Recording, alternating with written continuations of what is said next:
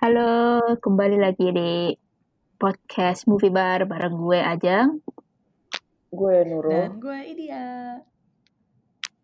Nah, di episode kali dua, eh, episode kedua ini kita akan ngebahas tentang film perang. Wah, kenapa tuh kita ngebahas film perang? Karena eh, kita baru aja ngerayain Hari Pahlawan nih tanggal 10 November. Nah, itu mengingatkan, mengingatkan kita pada eh, pahlawan-pahlawan dan peperangan ya. Langsung aja kali ya nih kita bahas nih film perang nih ya. Sikat. Heeh. lu lu ini nggak eh apa sih film perang apa nih yang paling berkesan nih buat eh, buat lo nih di tuh- Nurul apa Nurul Heeh. Gue gue sejujurnya gue bukan bukan penonton film perang atau film action banget gitu loh karena gue eh, ya simply nggak suka aja sih. Bukan bukan nggak bukan nggak suka. Eh, kalau misalkan ada pun gue tonton. Tapi kalau misalkan ada pilihan lain ya gue pilihan lain itu dibanding film perang ataupun eh, action. Hmm. Untuk film perang yang paling berkesan itu gue te baru-baru ini kan di bioskop tuh nonton 1917 ya kan? Wih, 19 itu. 1917 jam ya jam ya? 19 sama 17 itu kayaknya pada Isya gitu kan Terus, Gitu. terus. nah itu gue suka tuh 1917 karena eh, apa namanya itu kan eh, kamera ngikutin satu orang dan terkesan one take gitu kan dia sepanjang film tuh satu satu satu take aja gitu semuanya Hmm. Nah itu menurut gue tuh keren banget dari dari dari setnya juga eh, ber- dia berbagai ma- berbagai macam medan Hmm. terus eh, apa namanya kisahnya juga nggak cuma sekedar perang biasa dardo dardo tembak tembakan gitu. Cuman dia adalah orang yang membawa pesan gitu. Jadi fokusnya ke si perjalanan si orang yang si messengernya itu kan gitu sih. Itu itu yang paling berkesan mungkin karena paling baru gue tonton kali ya. Hmm. gitu. Iya, iya, iya. kalau Mbak It Kalau gue, uh, jujur gue juga apa ya, karena baru sih, karena itu kayak yang terakhir gue tonton, gue juga masih ngelotok banget sih si 1917 itu. Terus kayak. Bahin Nurul aja tadi maksudnya iya bener gitu ini beda sama film perang lain karena bukan bukan tembak-tembakan bukan dor-dor gitu tapi lebih fokus ke cerita dua dua orang ini gitu dari dia satu titik ke titik lain terus yang menurut gua kayak amazing banget gitu yang yang bikin ini tuh beda sama film-film perang lain. Jadi kan uh, ya kayak Nurul bilang tadi dia kan one take ya. Jadi dia tuh kameranya tuh ngikutin terus gitu si dua orang ini jalan. Dan mereka itu tuh nggak pernah berhenti jalan terus dan nggak pernah ngelewatin tempat yang sama gitu. Jadi jalan terus. Jadi lu kebayang gak sih itu mereka bikin set segede apa dan lu kebayang gak sih kayak satu gini banyak uh, tempat yang beneran itu cuma selewat doang gitu. Itu kayak cuma kalau di film kayak cuma dilewatin satu dua detik gitu loh sama mereka. Tapi dibikinnya tuh detail banget. Kalau gue boleh nambahin ya eh, kar- apa namanya karena sensasi one take-nya itu ya menurut gue eh, dan, dan karena lu eh, ceritanya kayak ngikutin si perjalanan dua orang ini nih lu tuh jadi kayak eh, lu kadang-kadang tuh jadi salah satu dari mereka gitu loh menurut gue. Iya. ya dan menurut gue itu juga yang bikin makin eh, gripping gitu makin deg-degan. Karena misalnya nih kayak lu lagi lagi ngumpet terus kayak lu nggak bisa ngelihat ada ada apa di luar sana karena lu beneran ngikutin mereka gitu. Jadi itu sih yang eh, salah satu yang menarik juga tuh dari si 1917 menurut gua terus gitu. yang unik juga itu sebenarnya uh, apa tokohnya tuh banyak gitu. Maksudnya banyak aktor-aktor yang kita kenal gitu sebenarnya. Tapi mereka muncul Mm-mm. kayak cuma sebentar-sebentar gitu loh. Iya, cuma numpang lewat doang. Iya, iya. ini nih. Terus terus mereka ketemu siapa di jalan terus mereka ketemu siapa lagi ketemu siapa. Nah ketemu ketemunya itu tuh macam-macam kan. Ada Benedict Cumberbatch ya. Terus Mm-mm. ada siapa Colin Firth. Andrew Scott. Iya ada Andrew Scott ada Colin Andrew Firth gitu. Jadi kayak Mm-mm. lo sama nonton kayak lah ada dia kayak lah ada dia gitu tapi emang beneran kayak cuma sekilas sekilas gitu sama ini ini fun fact aja sih itu si salah satu Mm. dari si dua mas yang kita ikutin terus itu itu yang Mm. Tommen Tommennya Game of Thrones hah kan lulusan sadar ya? Yang yang dikasih surat. Iya. Yang Udah gede. gue baru tahu. Lucu banget. Gue juga kayak sepanjang nonton nih gue kayak kayak pernah lihat gitu siapa ya ternyata Wah, momen. wah, ah ya anjir mirip ya, iya bener-bener. Kalau hmm, ini mungkin salah satu ini yang paling berkesan buat gue tuh ada judulnya Empire of the Sun. Ya, film lama nih tahun 80-an deh, yang bikin tuh Steven Spielberg. Waktu itu Hmm. dikasih tahu sepupu gue, jadi kayak sepupu gue suka nonton film terus dia kayak ngasih tahu film ini lah.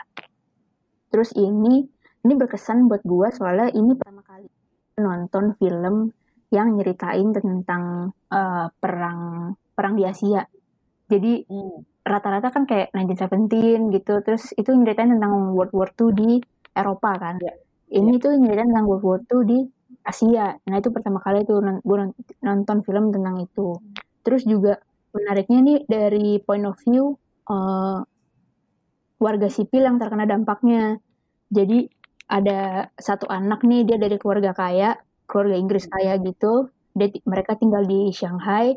Terus Shanghai tiba-tiba di di bom sama Jepang. Terus pada ditangkap-tangkepin.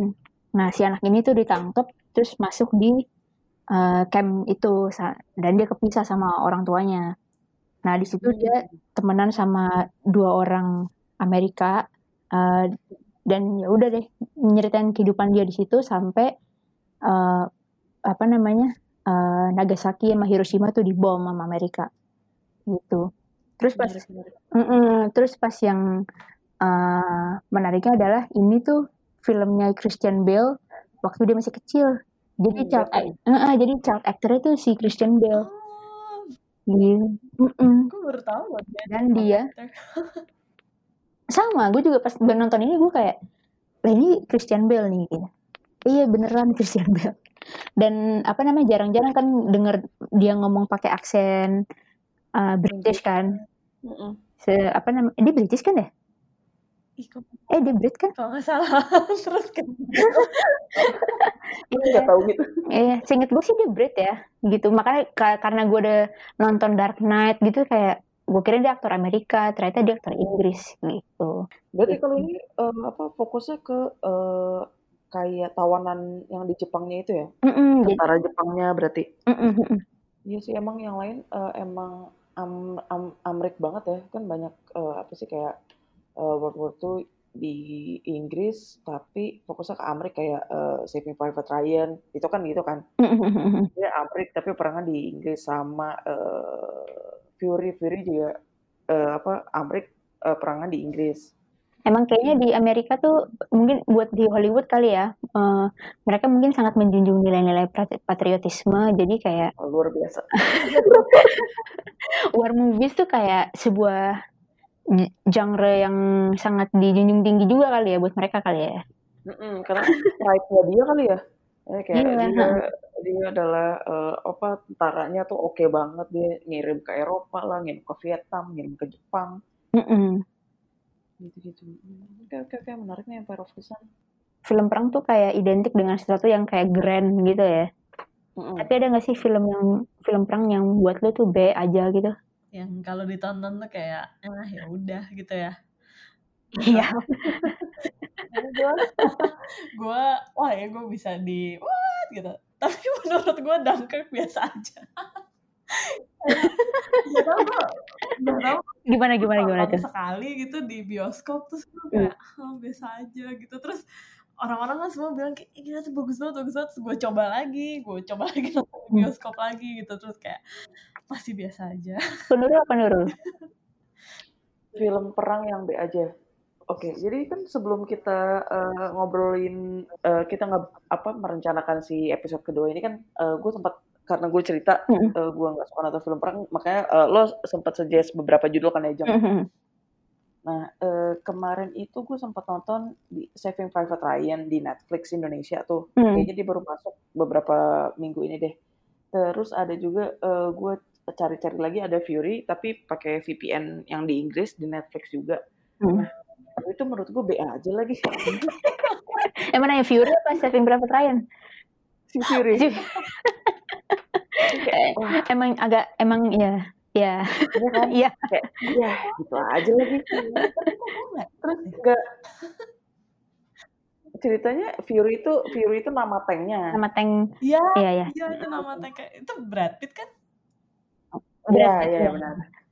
Banyak kan tuh ada Brad Pitt, ada, ada Shia LaBeouf sama siapa kesayangan kita Jung. Logan Lerman Nah, cuma itu aja sih yang menghibur ya gitu di antara satu rangkaian film itu.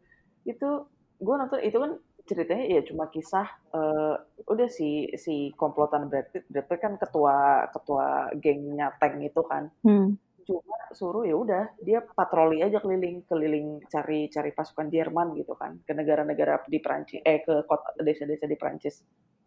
Terus ya udah gitu aja.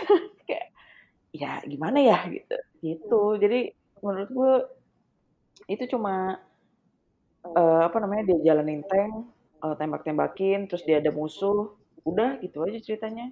Nggak nggak bukan ada sesuatu yang mem yang memorable atau gimana. Saving Private Ryan masih masih mending karena dia jalan ceritanya kan dia nggak cuma perang ya. Gitu. Iya.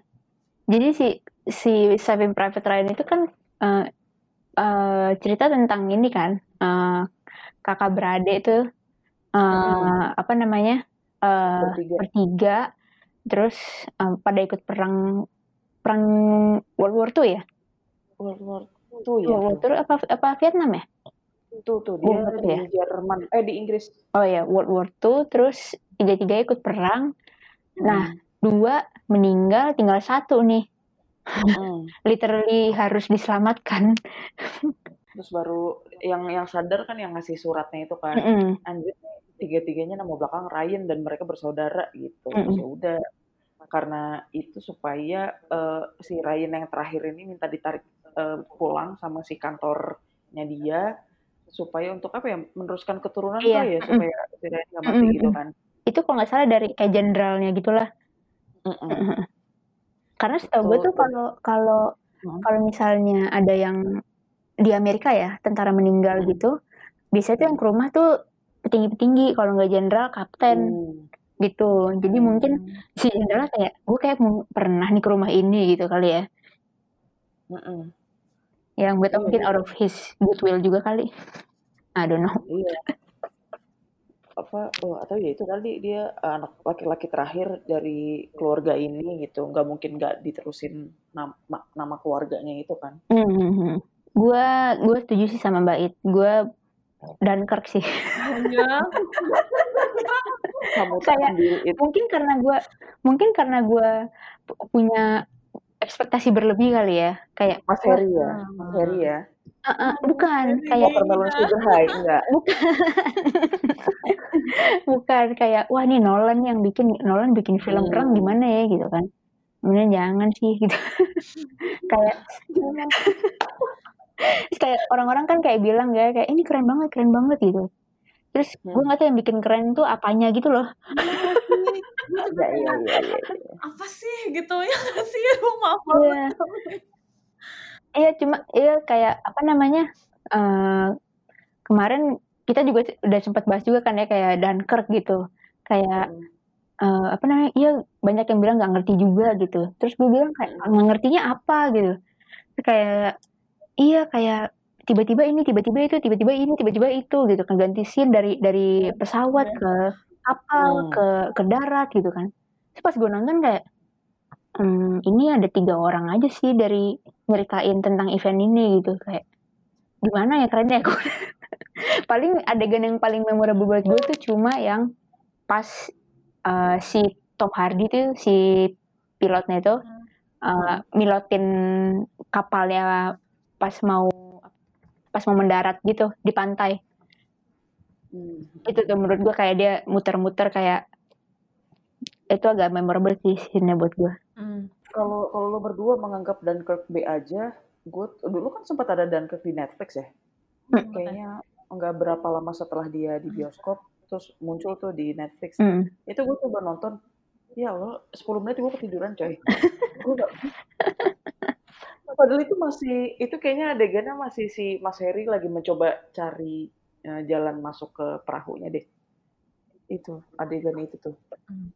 udah di situ tuh gue udah gue udah ketiduran itu sudah deh sampai sekarang udah nggak ada lagi di Netflix Ini kan udah lama kita apa namanya di rumah aja gitu. Masa mungkin yang terakhir ditonton di bioskop itu 1917 karena itu war movie terakhir yang ada di Mm. bioskop. Tapi kayak selama Mm. 8 bulan di rumah aja ini ada nggak ah, kalian nonton film perang gitu di Netflix apa di mana? eh gue ya gue kan berusaha ngejar ketinggalan ya jadi gue eh, menonton tiga film sekaligus tuh kemarin. Gue nonton Fury, eh, Saving Private Ryan sama yang baru ini yang baru gue tonton tuh The Five Bloods. Hmm. tapi ini ini belum belum selesai gue tonton sih baru baru setengah kali. Ini karena nggak perang banget. Jadi- ini ceritanya adalah eh, lima li- eh empat orang. Eh, empat orang sekawan dari Amrik yang sempat ikutan perang Vietnam Eh, dia mau balik lagi karena mau ngambil eh, apa jasad temannya yang meninggal itu si temannya adalah siapa Black Panther almarhum Chadwick Boseman. Nah, Chadwick Boseman itu eh, dia adalah ketua gengnya itu, ketua gengnya, terus eh, mereka nyimpen emas, nyimpen satu peti emas gitu, dan mereka simpen eh, ada satu di di bukit gitulah. Jadi mereka berempat mau ngambil si jasadnya itu sama si eh, peti emasnya itu. Nah, tapi eh, di sini menurut gue ya udah eh, adalah kakek-kakek kakek-kakek dari US datang ke Vietnam terus mau pulang bawa emasnya tuh gimana cara ngambilnya dia ke sana juga. Kan mesti masuk-masuk hutan lain karena diumpetin di hutan. Itu eh, itu menurut gue sih menurut gue ya itu kurang kurang fun sih. Agak-agak nggak make sense juga dari dari apa namanya timelinenya Hmm. perang Vietnam tuh gue sampai googling itu tahun 70-an ya Hmm. sekarang 2020 berarti kan kakeknya umurnya umur berapa tuh kira-kira ya 40-an. 70 Eh. 50 Pokoknya dari 70-an ke sekarang kan udah 40-an tahun ya. Mm-mm, 40 40 50 lah 50. 40 50 Hmm. Nah, berarti kan sekarang kakeknya kira-kira umur 60-an gitu kan. Anaknya tuh umur oh ya umur 50 kalau misalkan dia eh, menikah sama orang Vietnam ya. Hmm. Cuman ini ada eh, ada satu satu si salah satu dari teman itu dia nikah eh, dia nikah sama orang nggak nikah sih. Dia ya dia sama orang Vietnam gitu terus mereka punya anak. Anaknya masih umur 30-an. Itu Kayak ah kamu bercanda gitu kan. Gitu itu timelinenya timeline menurut gua nggak make sense terus ceritanya karena eh, karena ini bukan cerita perang juga terus ini lebih kayak ke antara ini sifat manusia banget yang yang Seven Sins gitulah. Dia tamak lah dia eh, apa namanya dia udah eh, saking tamak kan dia udah nggak percaya sama temennya gitu-gitu sih. Oh tapi satu yang lucu kan mereka semua tuh adalah eh, black people ya. Terus satu orang ini dia pecinta Trump dong. Dia pakai topi Make America Great Again lah terus dia pakai segala sesuatu yang bendera Amerika yang sampai teman-temannya lu gila ya lu udah apa namanya lu eh, support dia. Dia tuh adalah salah satu orang yang paling kencang untuk eh, apa namanya eh, meng- menghina menghina menghina. Lu tuh dia salah satu orang yang paling kencang gitu. Enggak main tapi ini dia sangat amat make eh, maga maga gitu. Itu kocak di situ. Gue gue sempet nonton bentar Nur kemarin. Ya pokoknya ini gara-gara gue gue sebelum nonton gue minum obat jadi pas nonton gue tuh ngantuk gitu. tapi emang ngantukin emang ngantukin menurut gue Apa? emang ngantukin Jadi aw- mm, awalnya menarik sih menurut gue kayak ya kayak premisnya tentang kayak gimana uh, black people tuh selalu di uh, selalu terlibat dalam perang tapi nggak pernah dapat recognition gitu. Eh, iya iya, benar jadi gue pikir ceritanya akan tentang itu. Ternyata enggak. kayak baik. gue ingat ada ada satu ada satu satu scene yang apa sih eh, berita berita dari Hanoi Radio ya Hanoi Radio atau apa gitu terus dia bilang eh, apa namanya ini ini sih eh, orang-orang Vietnam untuk ngusir orang-orang Amerika yang ada di Vietnam ya supaya balik lagi pulang lu nggak usah bikin perang gitu cuman kata-katanya yang dipakai adalah eh, apa namanya eh, jumlah black people di Amerika adalah gue lupa angka persisnya berapa anggaplah 31% gitu kan Eh, jumlah black people di Amerika 31% dan yang ikut perang ke Vietnam adalah 60%. Yaitu sama aja lu dikorbanin. Mendingan lu pulang aja. Intinya kayak gitu kayak wow, oke rasis rasis Amerika emang dari dulu banget ya. gitu lebih ke lebih ke ini sih masalah black black people Ini aja sih uh, apa namanya kayak setelah gue googling ternyata yang bikin sama sama yang bikin Black Klansman ya. Iya, Spike Lee. Oh. Mm-mm. Iya emang isunya sama sih Iya. tentang black people. Tapi Black Klansman gue suka loh. Su- gue juga suka. Oh, oh, Kocak banget. Iya. gue nonton lagi Jadi Black Gua oke abis tapi ini apa ya jangan harap kayak gitu gitu ya. Mm-mm. gue tuh gue tuh memanfaatkan eh, Prime ya Prime Video tuh kalau udah eh, di subscribe Iya, boleh sama. ditonton kan ya. Ada apa? Biar Ada apa di Prime yang menarik emangnya? Banyak ada ini eh, Jack Ryan Jack Ryan Oh, si ini ya, si Jim. Anjir, Ya. Jim. Jim Harto wow beda ya Beda, beda, series. Hmm, hmm. Itu bagus, si Jack Ryan. Nah, eh, season satunya oke. Season satunya tuh eh, oke. Dia tuh jadi ceritanya Jack Ryan tuh adalah seorang eh, karyawan CIA, tapi di bagian finance gitu kan. Jadi dia eh, apa ngecek-ngecek ada transfer-transfer luar negeri dengan jumlah besar segala macam bla bla bla. Alkisah dia ketemu nih eh, sebuah transfer mencurigakan kecil kayak eh, jumlahnya nggak sebanyak transfer gede yang kayak mau cuci uang atau gimana gitu. Kecil tapi banyak dan ke satu nomor dan semua lewat nomor handphone gitu. Akhirnya dia telusurin terus dia lapor ke bosnya ini nih ada transfer mencurigakan bosnya nggak percaya? Aku nggak percaya. Cuman dia kayak ya udah dia ngejalanin semuanya sendiri melanggar perintah bosnya gitu. Akhirnya dia ketemu teroris Eh, terorisnya itu di gue lupa di di di mana gitu. Pokoknya daerah daerah Arab Arab situ lah. Gitu terus akhirnya eh, ya udah dia dia versus si terorisnya ini. Karena kan si John Krasinski kan ini pinter kan si petugas CIA yang pinter. Terus dia bawa-bawa ada biological weapon juga gitu itu season satunya oke tapi season 2 nya kurang jadi kalau mau nonton season satu aja ada di Prime Video Baik. Oh, siap. itu Gue belum berhenti langganan juga sih. Jadi main. Iya, selalu ada di apa di home gitu kan. Pasti Hmm, pertama gitu. dan kadang-kadang suka trailernya suka muncul lo kan nah Iya. gue tonton juga lumayan lumayan season satu lumayan ada rekomendasi film perang favorit nggak nih yang kira-kira ke depannya bisa gue tonton sam kalau sambil nganggur-nganggur Kalau rekomendasi gue sih karena emang gue suka banget Tarantino sih. Tapi ini ini bukan cuma film perang ya, tapi Inglourious Basterds Hmm. itu film favorit gue period sih. kayak Wah, iya sih. bukan Oke. cuma film perang favorit tapi kayak emang itu film kesukaan gue itu bagus banget sih Mm-mm. kayak gue inget banget gue nonton itu jadi kayak sebelum itu film keluar gue kayak lihat artikelnya gitu dulu eh, bahkan dulu kayak internet belum segitunya gitu kayak gue Hmm. lihat di majalah kayak ah mau ada film Tarantino yang baru terus yang main Brad Pitt sama Diane Kruger gue yang kayak wah gitu terus Hmm. gue nonton di bioskop di Megaria terus gue kayak inget banget gue gue Oh, komentar Mega. Megaria belum direnov waktu itu belum kayak zaman Masih ini ya, masih pintu masuknya dari samping ya. iya anjir masih masih kayak janji Joni Ini masih jojo nih, eh, bener-bener.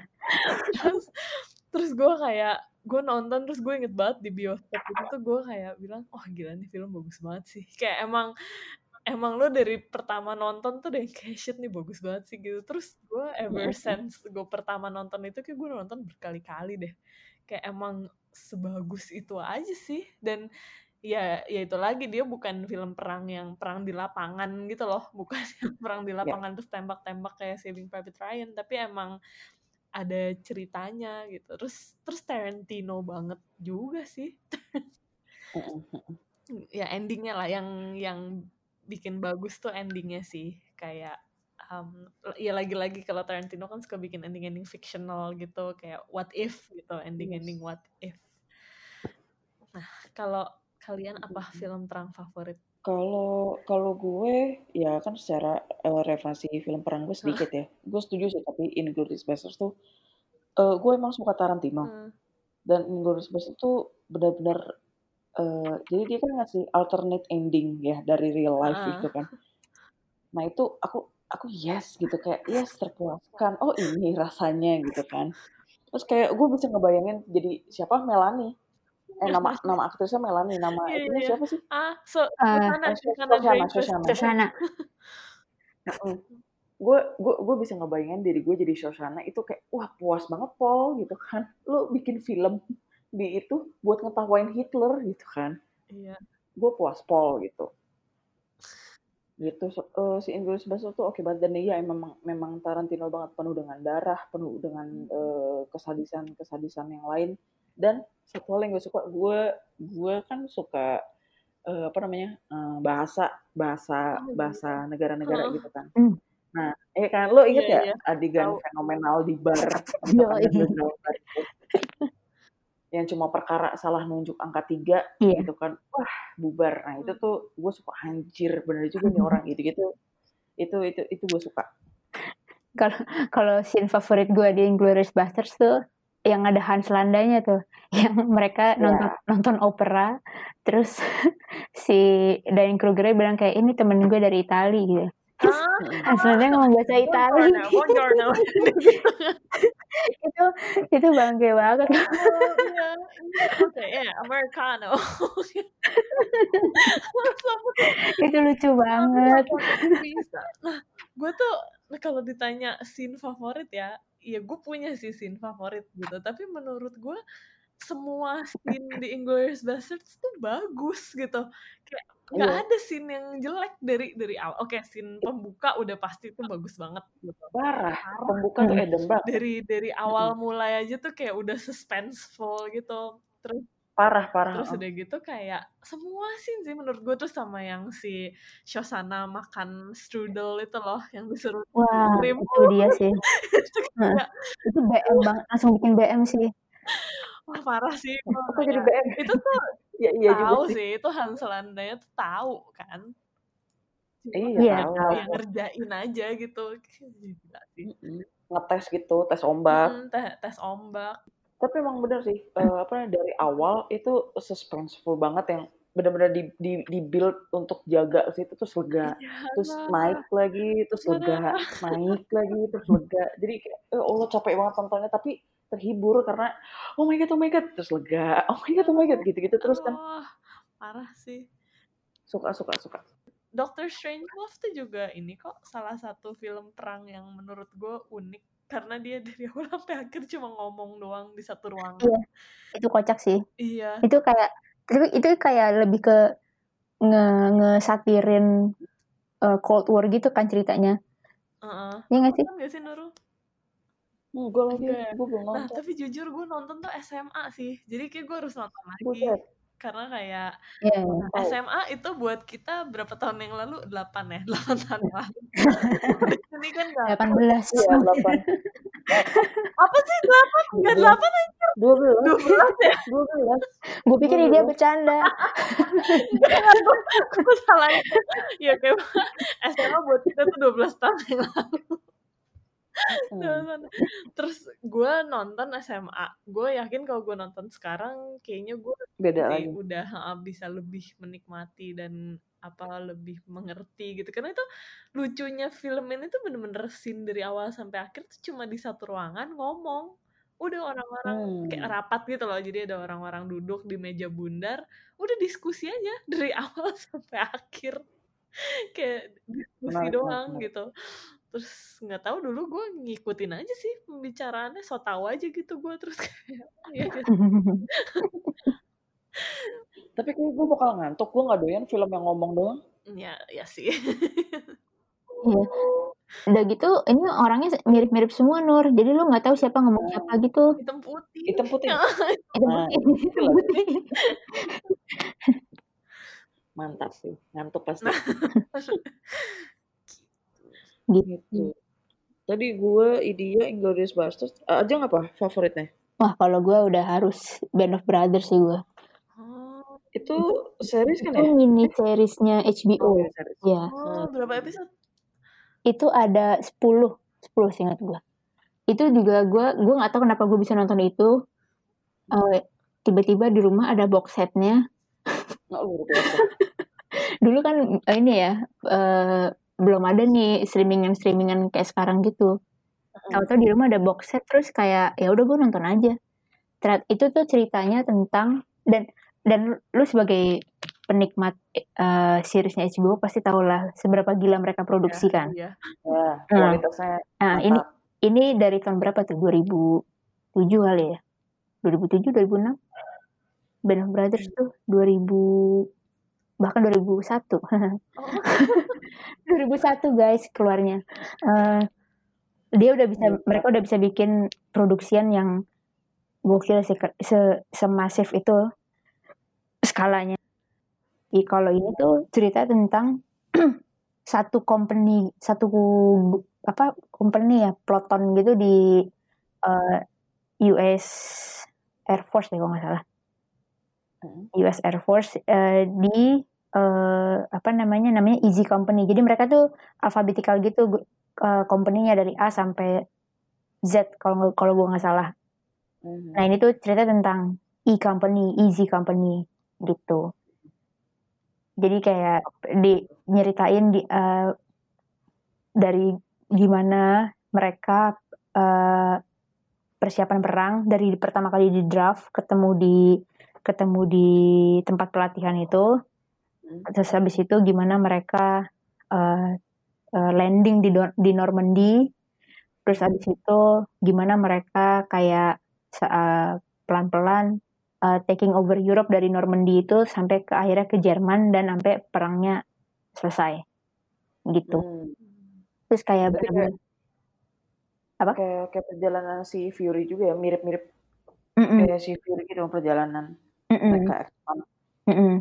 Dan ini tuh kayak apa namanya eh diceritain gitu kayak eh relationshipnya mereka satu sama lain gitu loh di antara grup itu. Gitu. Jadi Hmm. ada yang eh apa namanya eh ada yang meninggal obviously, ada yang mati, habis itu ada yang ada yang harus ditransfer ke mana, ada yang harus ditarik pulang gara-gara sakit, ada yang jadi kayak dinamika terus ada ada dimasukin orang baru terus kayak dinamika dinamika itu yang bikin mereka kayak apa stick together gitu Terus kayak gimana dan berhasil melewati perang perang ini sih Hmm, oke, menarik. gitu Boleh nih menarik sih. gue tonton. Soalnya kalau 10 episode tuh enggak? 10 episode satu Full, episode sejam gitu ya. Soalnya kalau apa kalau mini series HBO tuh terjamin sih. Ya, HBO tuh kayak seriesnya nggak ada yang jelek gitu. Iya, terus yang main tuh juga kayak eh eh gue itu cuma tahu sih kaptennya si Easy Company itu doang tuh si Damian Lewis.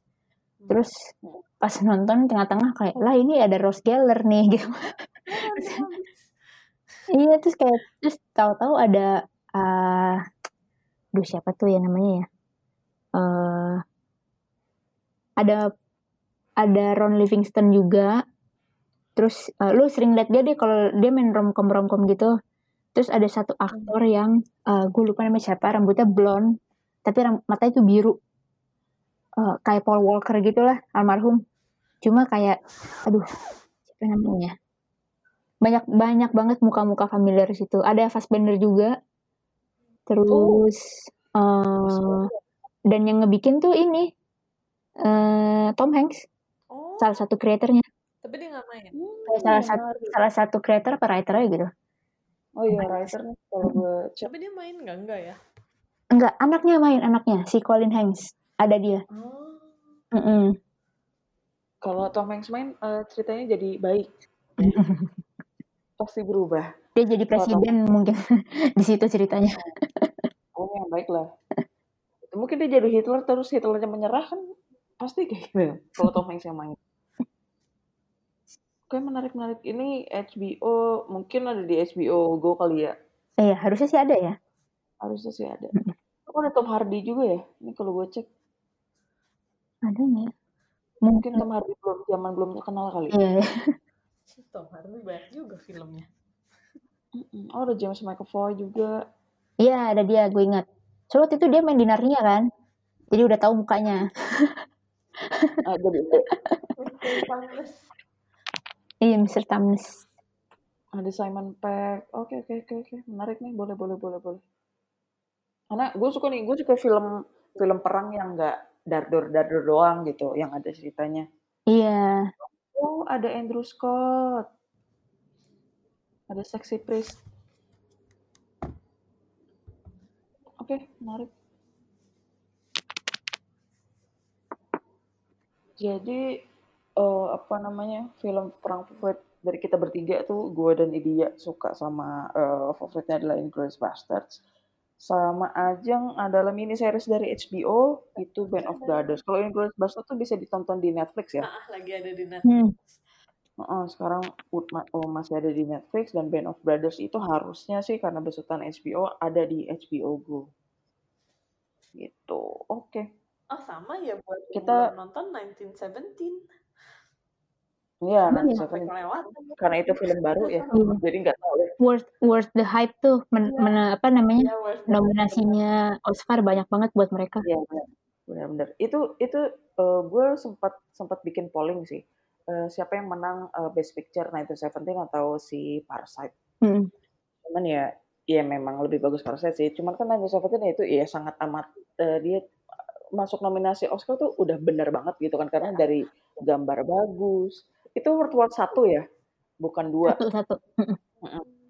Jadi ya, dan kita lebih sering nonton yang World War II gitu. Jadi uh, ini juga baru banget karena semuanya tuh bener-bener lebih jadul daripada World War II.